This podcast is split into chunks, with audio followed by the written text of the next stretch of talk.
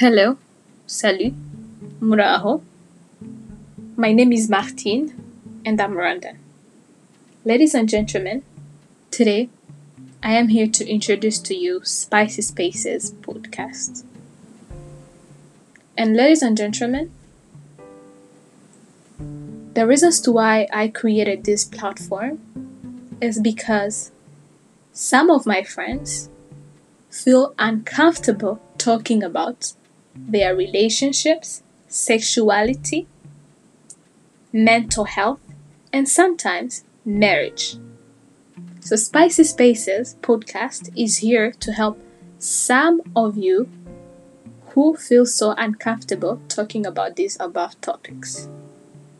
And with that, I am able to launch our first episode, and we are looking forward to hear from you please give us your ideas and thoughts.